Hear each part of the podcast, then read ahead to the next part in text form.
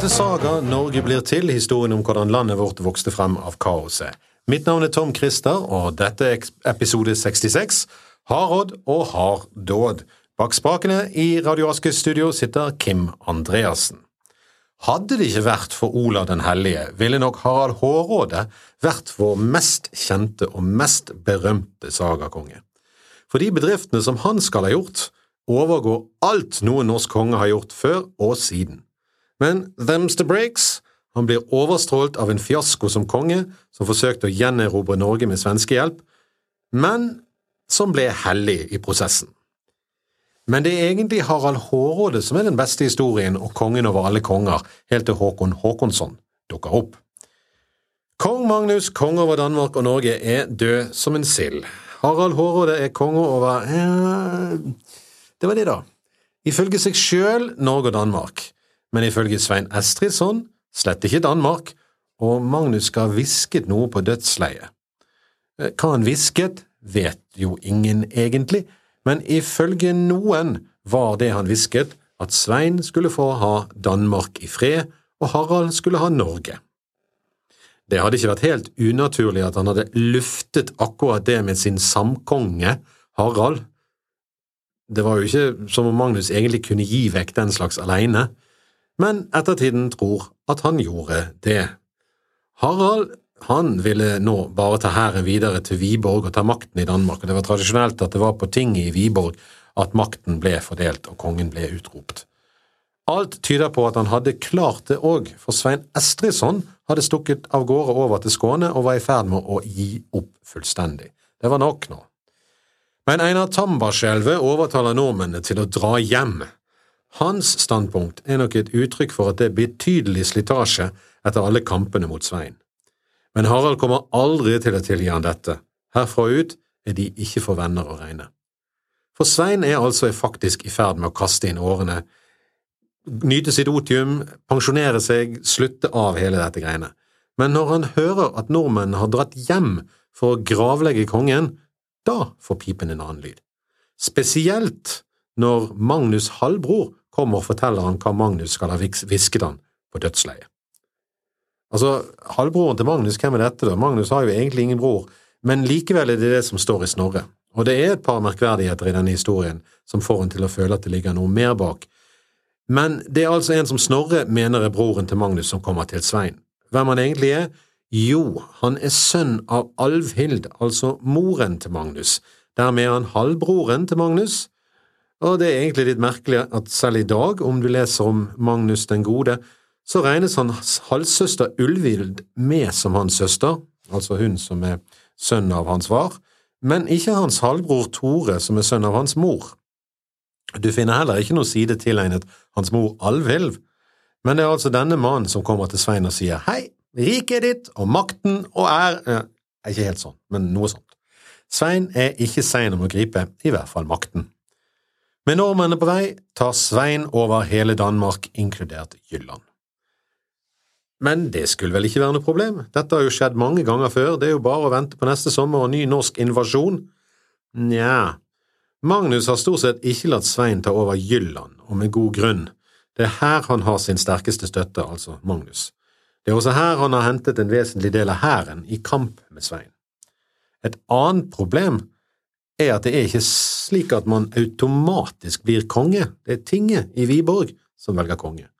For det tredje har man altså det Magnus skal ha sagt eller hvisket på sitt dødsleie, at det er Svein som er hans arving i Danmark. Oppsummert, det var en temmelig dårlig idé å forlate Danmark. Takk skal du ha, Einar Tambarskjelvet. Magnus er 23 år når han dør, og har ved makt og diplomati klart noen ingen hadde trodd, å ta makten over både Norge og Danmark. Men han dør ugift og uten barn. Ja, det vil si, han har en datter. Historien ligner litt på Håkon den godes, begge vinner alle slag, begge dør uten arving, og begge overlater makten til sin fiende. Hvorfor dør de uten arving? Tja, det er ikke godt å vite. I Magnus til sitt tilfelle kan det rett og slett hende at han ikke fikk tid til å finne seg et riktig gifte, han var jo bare 24 år. Det hindret normalt ikke den tidens folk fra å få både ett og flere barn, det at de ikke var gift, men det kan vel kanskje virke som han og Håkon ikke var så interessert i den slags. Uvisst av hvilken grunn, vi kan jo bare spekulere. Magnus og Håkon fikk altså ett barn hver, en jente hver. For Magnus sin del er dette et frillebarn. Men nå drar altså Einar Tambarskjelvet og Harald Hårråde tilbake til Norge med liket av Magnus. De drar til Nidaros for å legge Magnus til hvile nær sin far. Både venner og fiender anerkjenner Magnus som en stor og dyktig konge. Sånn er det jo gjerne etter ens død. Men nå er kongen død. Lenge leve kong Harald Sigurdsson, altså Harald Hårråde. Det ser ikke ut til å være noen tvil om hvem som er konge i Norge nå. Likevel er det tydelig uvennskap mellom kongen og den sterkeste mannen i riket, Einar Tambarskjelvet. Men det skal ta noe tid ennå før det bryter ut i full blomst.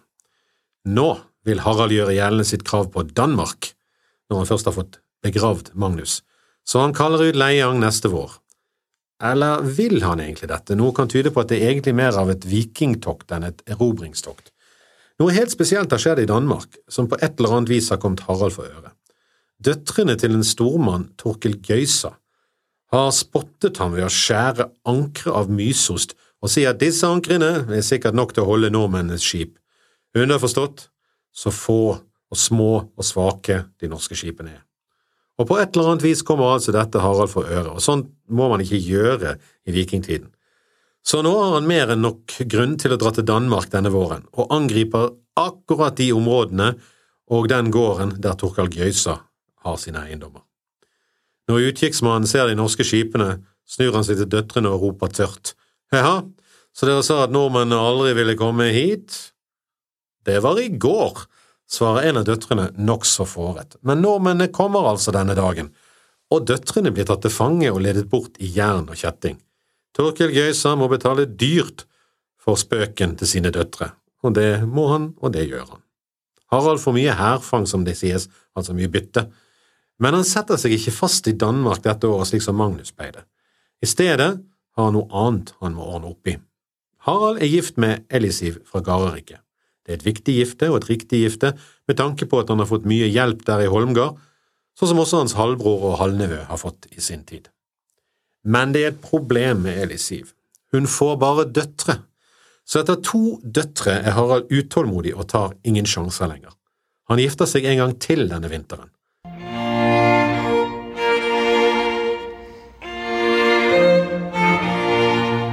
Så nå har han to koner. Ingen ler så mye som et øyelokk for det. Den nye konen skal etter hvert gi ham i alle fall to sønner som vi kommer til å kjenne godt. Men Harald hviler ikke lenge i ektesengen. Hvert år blir det nye angrep på Danmark. Hvert år kommer han unna med en masse bytte, men setter seg ikke fast. Danmark er dårlig beskyttet, her er få borger og murer, det nytter ikke med fugler med trespon og ild, men likevel er det også en styrke for Danmark, for det finnes ikke noe senter å slå ut, en må rett og slett få tak på kongen. Som på et sjakkbrett må kongen fanges. Svein Estridsson er den sleipeste kongerollen av de alle, så det skjer ikke. Igjen og igjen angriper Harald og gjør røvertokt mot danske kyster. Han blir ikke særlig populær i Danmark av det, og det blir heller ikke Svein. En grunnleggende oppgave for en konge er jo å forsvare sitt land og beskytte sitt folk. Disse røvertoktene er ikke nødvendigvis billig og god butikk for Harald. Riktignok får de krigsbytte, men det er langt fra nok. Det er nemlig sånn at selv om Leiangen er en effektiv og enkel måte å reise en her, så er den ikke gratis. Det er satt klare regler for betaling for menn og skip. Selv den grunnrike Harald må betale, og må etter hvert se gullet minske på kistebunnen. Kanskje er det en av grunnene til at han fortsetter å angripe Danmark og reide og dra i vikingtokt dit. Til slutt ble det nok for alle sammen, og på et eller annet merkelig vis avtaler både Svein og Harald å møtes ved Gjøta elv og gjøre opp en gang for alle. Enten slåss til sistemann eller gjøre forlik. Det høres jo ikke helt logisk ut, og det høres faktisk litt merkelig ut. Men det ligner jo på det Magnus gjorde med Hareknut, og det gikk jo bra, så hvorfor ikke? Men det skurrer. Skulle ålen Svein risikere alt i et kjempeslag mot den krigsvante generalen fra Bysants, Harald? Svein hadde jo ikke vunnet et eneste slag verken mot Magnus eller Harald eller noen annen nordmann vi vet om. Når våren kommer, skjelver hele Skandinavia. Den eneste som ikke skjelver, er vel kanskje svenskekongen, som synes det er helt greit at hans to potensielle hovedfiender slåss seg imellom. Men kanskje han også litt urolig for at det skjer akkurat ved Gjøta elv. Det er sabla lett å vende snuten østover dersom de to kongene gjør forlik og bestemmer seg for å gjøre opp forliket med Svitjod. Til elv kommer Harald den sommeren med hele sin leiangshær. De skuer over elven til den andre bredden etter sine fiender, danskene. Der er ingen. Ikke en sjel. Ikke engang en svensk fluefisker viser seg på sørbredden av Gjøta elv. Der er helt skåla tomt. De venter. Men ingen dansker dukker opp, ingen svensker heller for den saks skyld. Ingen! Harald har enormt mange gode kvaliteter, men tålmodighet er kanskje ikke hans fremste dyd. Hvor er den ålen Svein? Dette gidder jeg ikke. Svein, viser det seg, ligger ved Sjælland. Det er ikke så langt unna, men han ser ikke ut til å rikke seg derifra. Og det som nå skjer, kan ha flere forklaringer. I og med at Svein ligger ved Sjælland, har Svein flere muligheter. Han kan bli der og bare gi blaffen i avtalen med Harald. Kanskje tror han også han kan lure Harald til å gå imot han ved Sjælland, altså på egen grunn. Det er ikke sikkert at hele Haralds hær har nok skip til å gjøre det, og mange, fordi mange kan ha kommet landeveien fra Follen av Viken. I tillegg kan det hende at han er urolig for å dra til elv nå som Harald har kommet først og fått tid til å befeste sin stilling. For Harald er det et taktisk problem. Når Svein ligger ved Sjælland, kan han også seile rundt nordmenn og kutte dem av bakfra, eller seile videre og angripe Norge mens hele hæren er ved Gjøta elv. Kan hende er Svein bare forsinket, og kanskje vil han komme til møtet som avtalt. I det hele tatt, det er et paradoks. Hva skal Harald gjøre? Vente eller angripe? Det er utfordrende, for den første av de som gjør noe, vil bli ansett for å ha brutt avtalen om å møtes. Det er en slags Mexican standoff viking-style. Naja, men Harald gidder ikke å vente på at noen skal blinke. Han gjør det som egentlig er det mest fornuftige, faktisk taktisk sett, og her viser han at han er en general med erfaring. Han sender halve hæren hjem til Norge, sannsynligvis for å kunne kontre et dansk angrep om det skulle komme. Svein har jo truet med å gå til angrep på Norge som hevn for Haralds reid. Den andre halvdelen setter han i skipene og drar og angriper Nord-Jylland, nærmere bestemt Vensyssel og Tjoda. Samme historien som før, med andre ord, han reider Nord-Danmark. Men det er en logikk i dette. Svein er nødt til å svare på det angrepet, og han må svare der det skjer. Dermed har Harald avskåret han fra å forsøke et angrep på Norge. Når din fiende planlegger et angrep, angrip han først, sånn at han må bruke opp de ressursene han hadde planlagt å angripe med, for å kjempe et slag han ikke hadde planlagt. På et sted han ikke ønsket, og på en tid han ikke ville. Det tar litt tid for Svein å finne ut av hvor Harald er, og skjønne at han faktisk må svare. Når Svein først finner Harald, er det med en gruppe menn som tydeligvis har gått fra kanskje Limfjorden tvers over Nord-Jylland for å spare tid. De roper ut til Harald at han skal komme på land og gjøre opp. Harald kan telle, og ser straks at det der ser ut som en dårlig idé. Danskene er mange flere. Han egger danskene til å kom ut og slåss med oss her på sjøen, men danskene har ikke skip, så det ble ingenting av. Harald seiler videre opp mot Jyllands nordtipp, og der legger de seg til med bytte og ro og fred.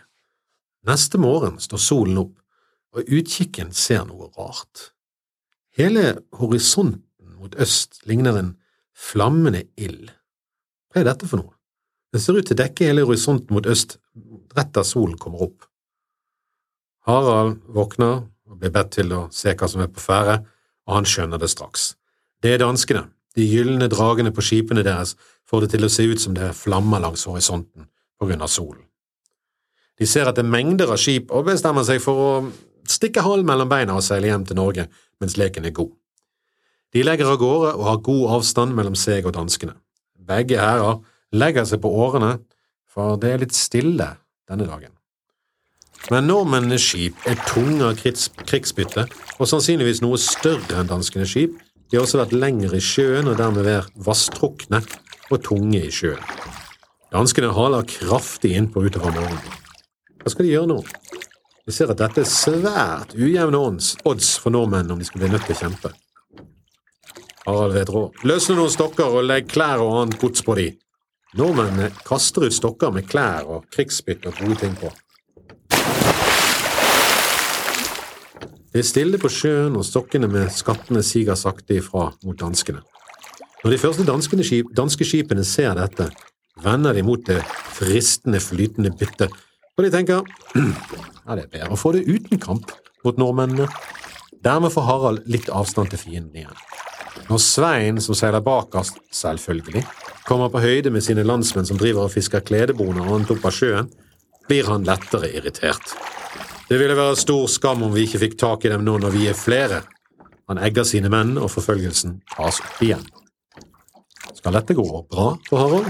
Når Harald ser danskene nærme seg igjen, må han gjøre noe enda smartere.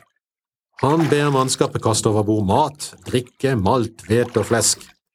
Ja, bacon fra Danmark er en lang tradisjon, harryhandel også, for å lette for skipene. Han letter på skipene med å kaste maten over bord.